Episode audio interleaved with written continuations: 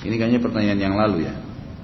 Bagaimana pandangan antum tentang Densus 88 yang menembak mati praduga tak bersalah atau orang yang diduga teroris dan lain padahal belum ada e, bukti pasti dan keputusan yang menatakan yang, yang e, dia sebagai tersangka.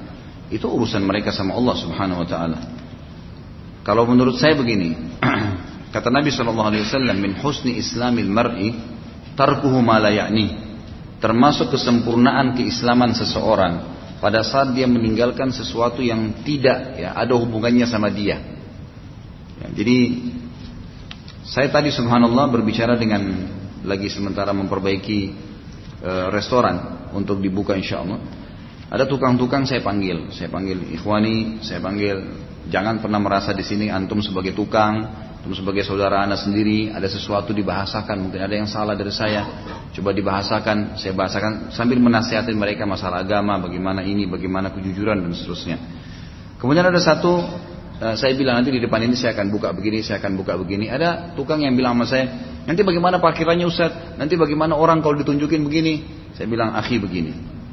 Antum ana minta untuk menyelesaikan kerjaan ini. Ya sudah, masalah yang tidak masuk dalam kerjaan antum tidak usah antum campurin. Karena nanti tidak tidak nyambung. Nanti antum kalau tidak dengar pendapatnya tersinggung. Padahal sebenarnya bukan itu ya. Bukan itu maksudnya. Karena ini nanti parkiran di mana segala itu nanti biar anak yang atur. Yang penting antum sudah selesaikan ini apa yang anak minta dikerjakan temboknya dicat segala itu dikerjakan. Artinya anak ingin titik beratkan ikhwan dan akhwat sekalian kita harus tahu. Kama eh, Kata Nabi SAW, termasuk kesempurnaan keislaman seseorang, meninggalkan apa yang tidak bermanfaat bagi dia. Bukan saya bilang pertanyaan tidak bermanfaat ya, tetapi pada saat dibentuk oleh pemerintah sebuah tim, kemudian tim itu menembak dan seterusnya tadi ya. Dan kita betul-betul tidak punya ilmu di situ. Kita nggak tahu siapa yang benar, siapa yang salah, apa sebabnya pemerintah mengambil keputusan. Kita pun biar teriak-teriak, biar ngomong sama teman-teman kita tidak akan memberikan efek, nggak akan bisa memperbaiki, nggak akan bisa ber, apa ya mengembalikan orang yang sudah mati. Maka saran saya tinggalkan aja. Kembalikan urusannya kepada Allah Subhanahu wa taala. Semoga Allah berikan hidayah orang yang salah dan orang yang terbunuh semoga Allah Subhanahu wa taala ampuni kalau punya dosa, gitu kan? Itu pendapat saya karena tadi antum tanya di sini bagaimana pendapat antum ya. Ini pendapat saya. Bagaimana beda dalam satu ibadah misalnya sholat kita orang awam mengikuti beberapa madhab. Misal baca bismillah selesai eh, sesuai pendapat Imam Syafi'i dan dalam gerakan yang lain ikut hambali. Baca bismillah itu pendapat jumhur termasuk Imam Ahmad. Cuma yang diperselisihkan adalah sir disirkan atau dijaharkan. Itu saja. Imam Ahmad, Imam Malik, Imam Hanifah mengatakan disirkan, dikecilin, kemudian baca Al-Fatihah, gitu kan? Jadi nggak ada tidak baca Bismillah itu. Itu hadisnya sahih riwayat Imam Bukhari, Imam Muslim itu tentang Nabi SAW membaca basmalah pada saat memulai Al-Fatihah, tapi disirkan. Imam Syafi'i mengatakan dijahar, dikeraskan sekalian. Gitu kan? Sebenarnya beranjak daripada dalil yang sama. Sebagian sahabat mengatakan kami mendengar ya bacaan basmalahnya Nabi Shallallahu Alaihi Wasallam ya kemudian lebih kecil daripada bacaan al-fatihahnya. Ini sebuah riwayat.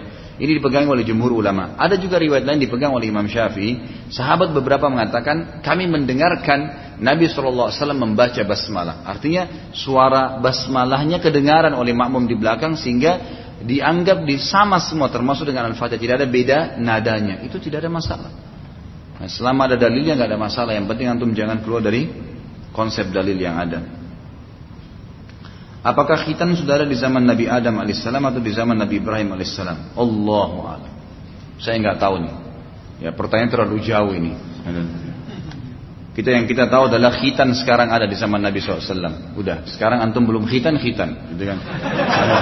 ya. Jadi tidak usah ditanya dari zaman Nabi Adam atau Nabi Ibrahim, gitu kan? Kenapa Pak Yoyo? Perlu khitan lagi atau gimana nih? Adakah zikir khusus setelah sholat tahajud dan duha? Atau sama zikirnya seperti sholat fardu? Enggak ada zikir khusus. Sholat sunnah itu setahu saya Allah alam tidak pernah ada zikir khusus. Jadi zikir yang ada yang disunnahkan adalah setelah sholat wajib saja. Jadi setelah sholat sunnah antum boleh berdiri langsung, antum boleh zikir sendiri terserah. Ya itu tidak ada masalah. Selama tidak ada penentuan jumlah, waktu, tempat, antum bebas lakukan di situ. Gitu kan? Misalnya habis sholat sunnah, saya mau baca istighfar 100 kali, Allah silahkan. Tapi jangan ikat dengan itu ya, maksudnya jangan setiap habis sholat duha saya harus baca begitu.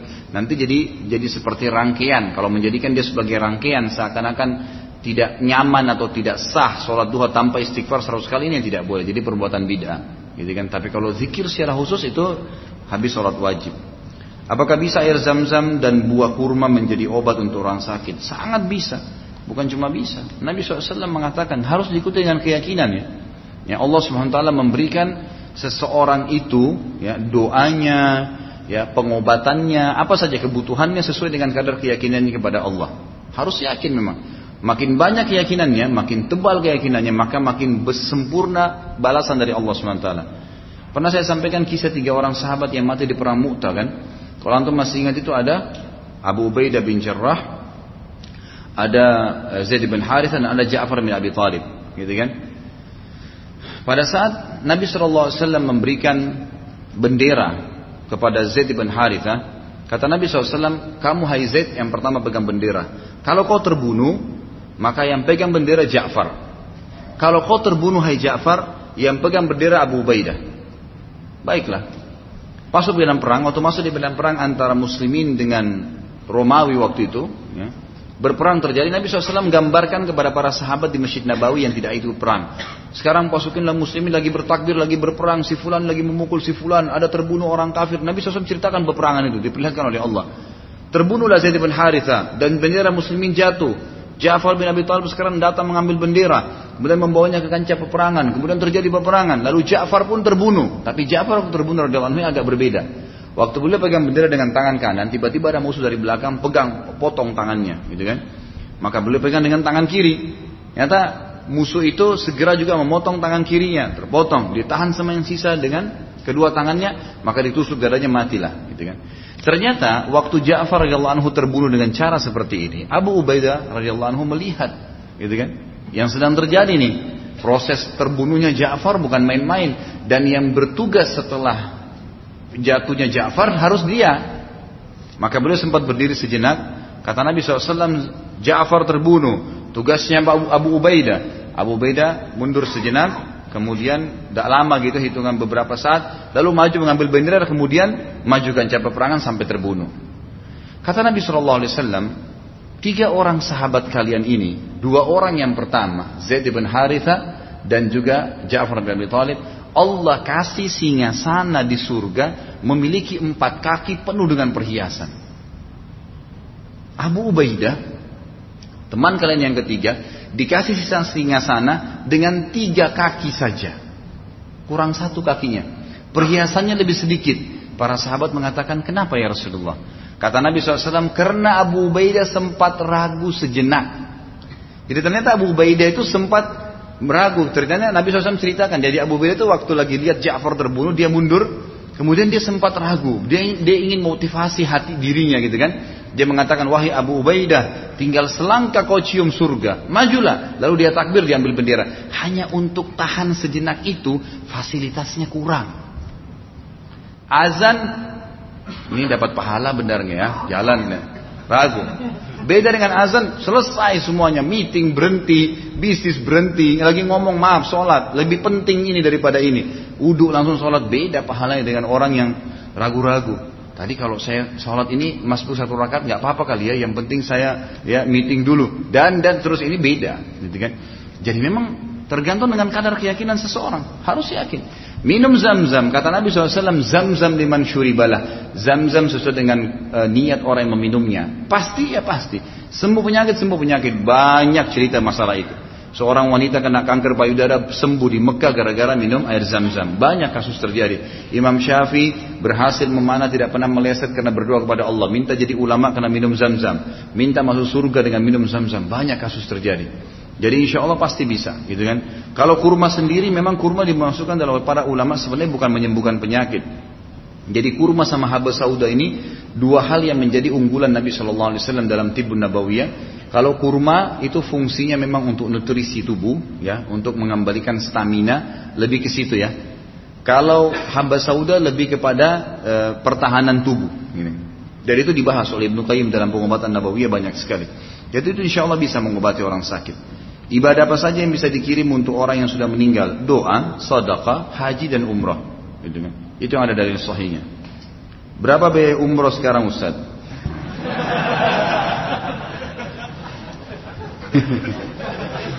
Gimana jawabnya nih Pak? Nanti kalau saya sudah punya travel ya. Gitu. Kalau sekarang saya nggak tahu. Kalau umroh sama saya pun saya nggak tahu. Cuman saya bilang memang ada umroh dengan saya tadinya tanggal 19 Maret dipindah dari tanggal 24 Maret. Yang berminat saya hubungkan langsung dengan nomor telepon orang yang mengurus masalah itu. Masalah harga antum negosiasi sendiri. Saya cuma tahu membimbing. Saya mempunyai saudara perempuan yang belum menikah. Saya sebagai adik laki-laki mempunyai kewajiban mencari suami untuk saudara perempuan saya. Saya ingin sekali menjodohkan dia dengan laki-laki yang sunnah juga seperti kakak saya. Apa Pak Ustadz bisa membantu saya? Iklan. Mana nih yang bujang-bujang nih? Yang bujang dulu ya, poligami nanti.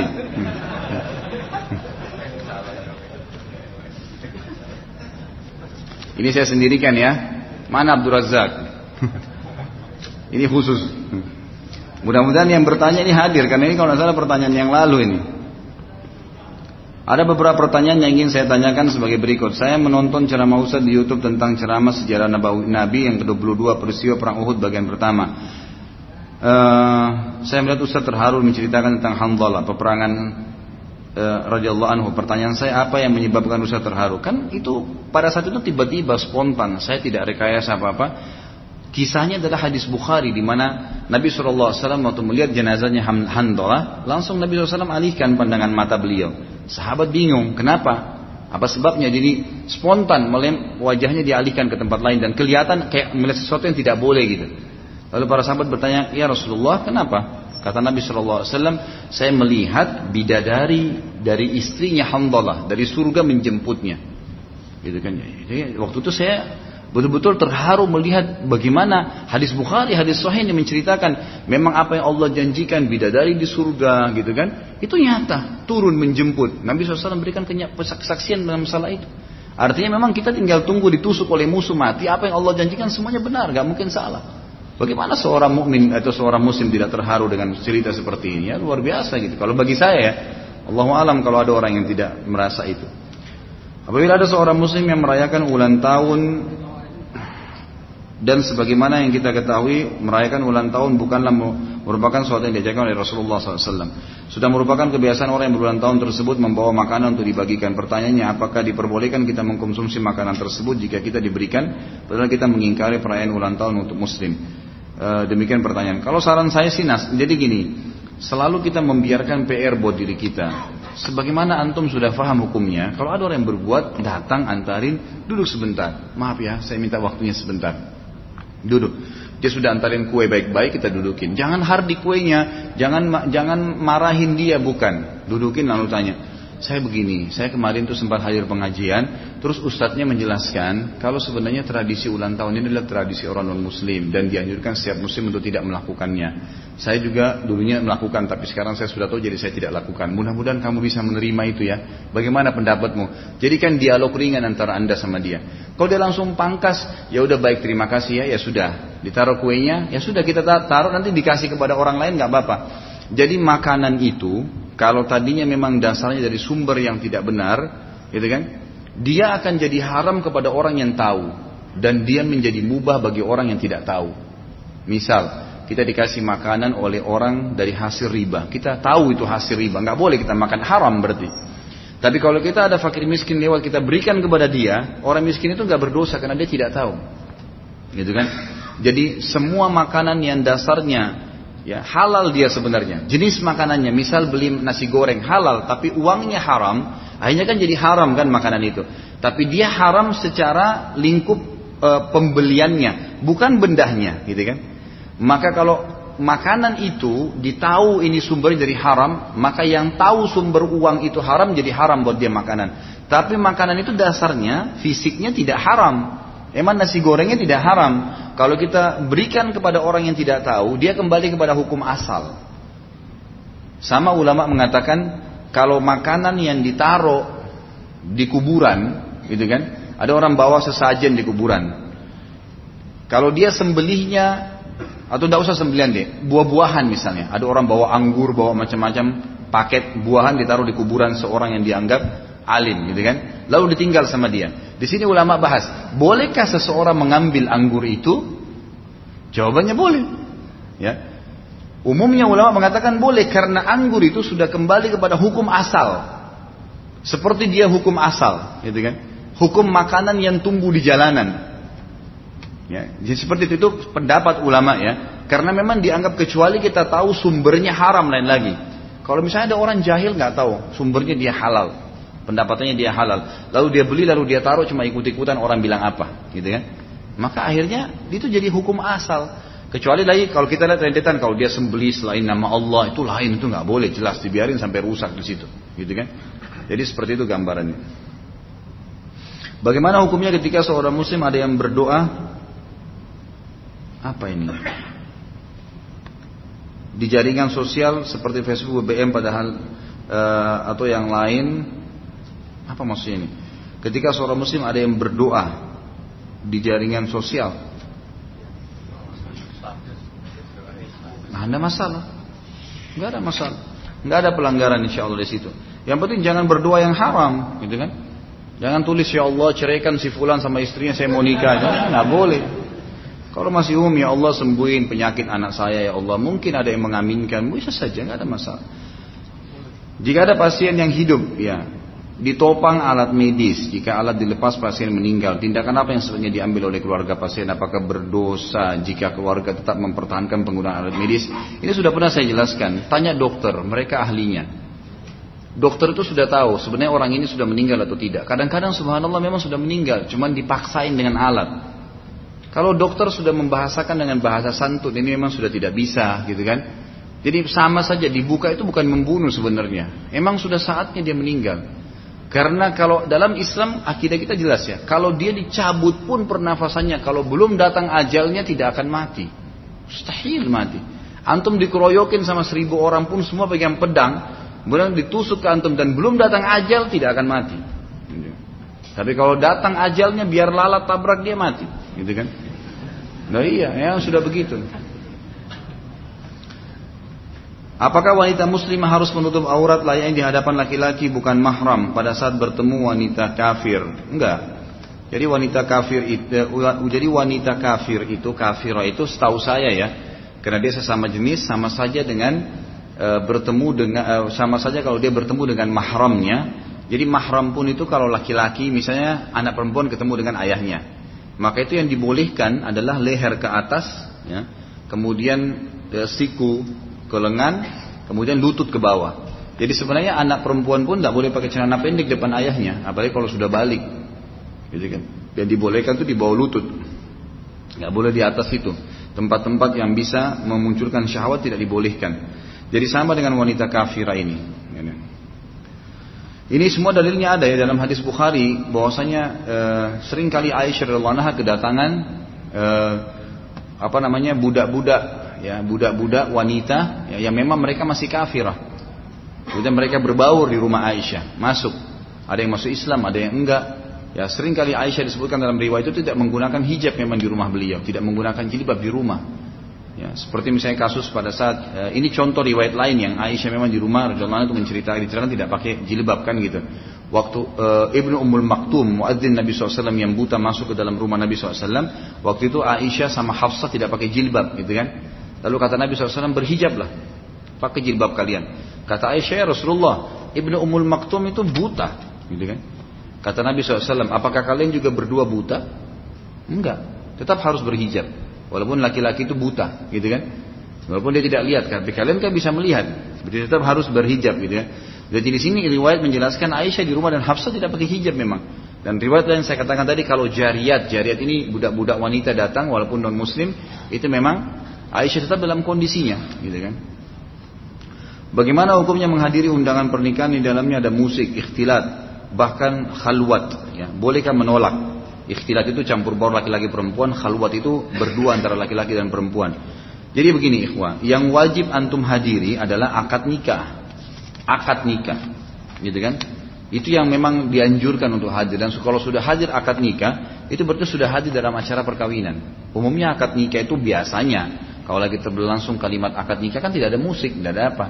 Antum fokus hadir di situ saja. Ya. Gak usah hadir di gedungnya. Kalau gedung ini nggak mungkin menghindar susah. Maka lebih baik jangan hadir di gedung karena itu tidak ada hubungannya dengan gedung sebenarnya. Yang dianjurkan adalah menghadiri akad nikahnya. Bagaimana cara menyikapi orang-orang di kantor yang membicarakan hal yang tidak enak tentang kita serta memperlihatkan sikap bahwa e, dia tidak menyenangi kita padahal kita diperintahkan oleh pimpinan untuk mengurusi mereka dan menilai kinerja mereka. Mohon e, saran Ustaz. Jalankan tugas Anda ya apa yang dibebankan, apa yang diamanahkan dan sesuai dengan kadar yang kita terima dari balasan gitu kan gajinya. Tugas kita memang supervisi ya sudah disupervisikan. Ya, periksa mereka. Gak usah pedulikan. Ya, mungkin kalau memang itu tugas kita kemudian dia tidak senang, mungkin dia tidak suka untuk diperiksa. Tetap aja jalankan tugas, gitu kan? Berbicara sesuatu yang penting yang dibutuhkan. Kalau enggak nggak usah. Itu hal-hal mendasar yang saya sarankan. Bagaimana caranya mengetahui orang-orang munafik pada zaman sekarang? Ya, sifat-sifat yang Nabi SAW sebutkan. Kalau berbicara suka bohong, apa kata Nabi? Empat hal yang ada kalau pada seseorang pastikan dia munafik tulen. Kalau berbicara bohong, gitu kan? Tidak ada bohong bagi seorang muslim. Tidak ada bohong, nggak boleh bohong. Mutlak, nggak usah bohong sama sekali. Jujur aja terus. Lazimilah kejujuran kata Nabi SAW walaupun depan mata kalian apa? Kehancuran. Gitu kan? Jadi jelas sekali kita jangan sama sekali mengenal namanya kebohongan. Jujur aja semua. Kata dalam hadis yang dikatakan kulil hak walau kanamur. Ucapkan kebenaran walaupun itu pahit. Gak usah dipedulikan, ucapkan saja. Itu. Kemudian yang kedua, kalau diberikan amanah dia berkhianat. Amanah ini bisa titipan perkataan, bisa harta.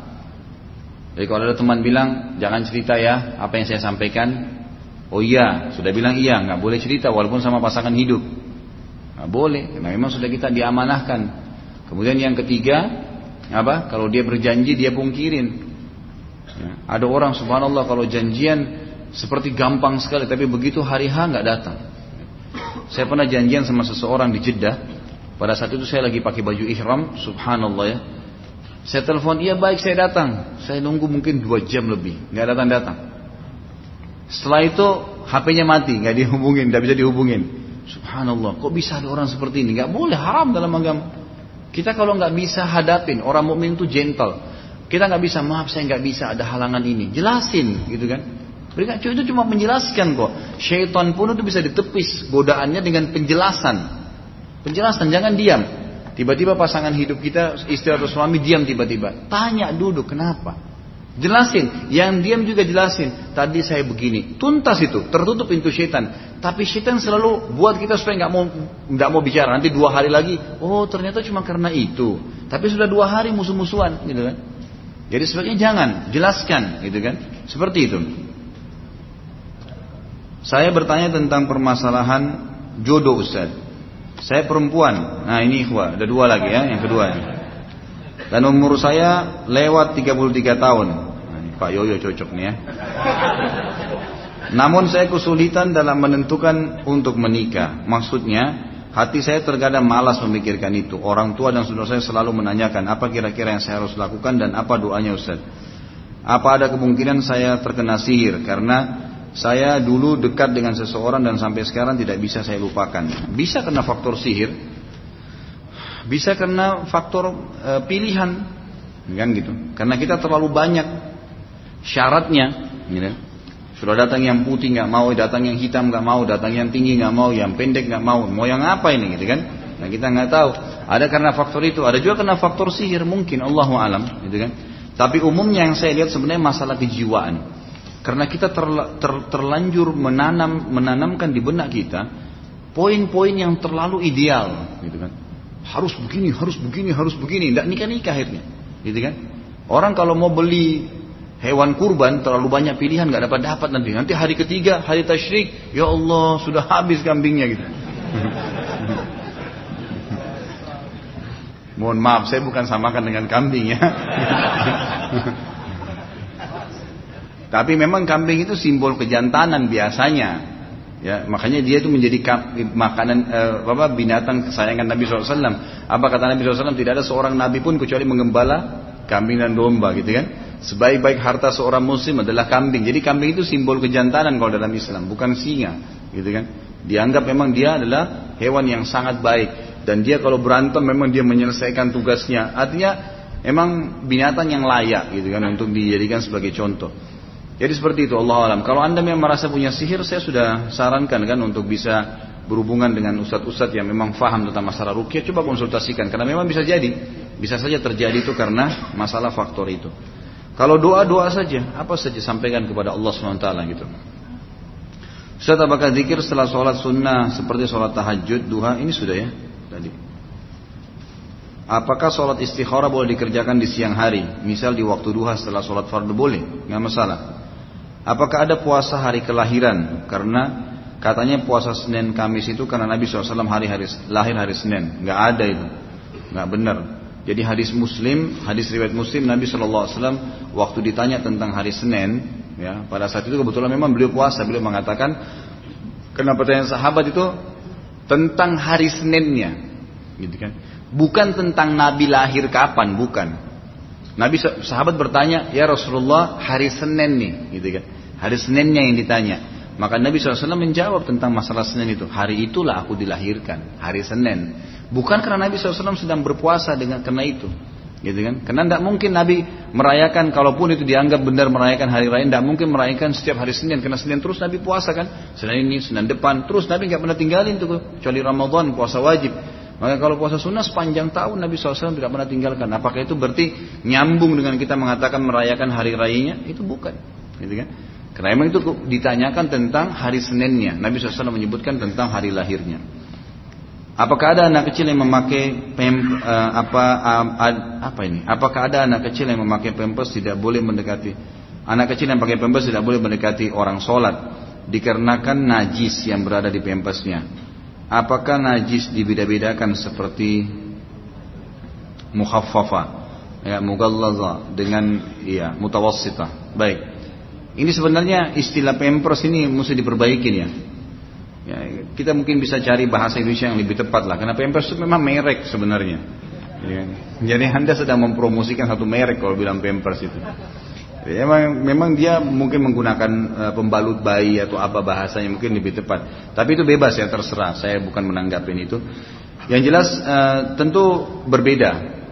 Kalau seandainya sesuatu kata ulama yang benda kain ya atau kita sedang e, bersentuhan dengan seseorang yang sedang ada najis padanya gitu kan apakah itu akan membatalkan sholat kita seperti bayi misalnya maka ini khilaf di antara ulama tapi jumhur ulama mengatakan kalau tidak berserakan dan dia berada pada tempatnya, sementara si ibu bayi tadi memang meletakkan si bayi atau menggendongnya dalam keadaan-keadaan tertentu saja, tidak setiap saat, tidak selama dari awal takbir sampai salam, maka berarti tidak masalah, tidak membatalkan. Kecuali kececer atau kesentuh dia maka baru batal, gitu kan? Jadi ini pun dirincikan oleh para ulama, kalau kencing anak bayi yang sudah makan dengan kotorannya yang sudah makan ya, tidak bukan cuma asi, maka itu berarti batal yang sudah makan najisnya sudah berat.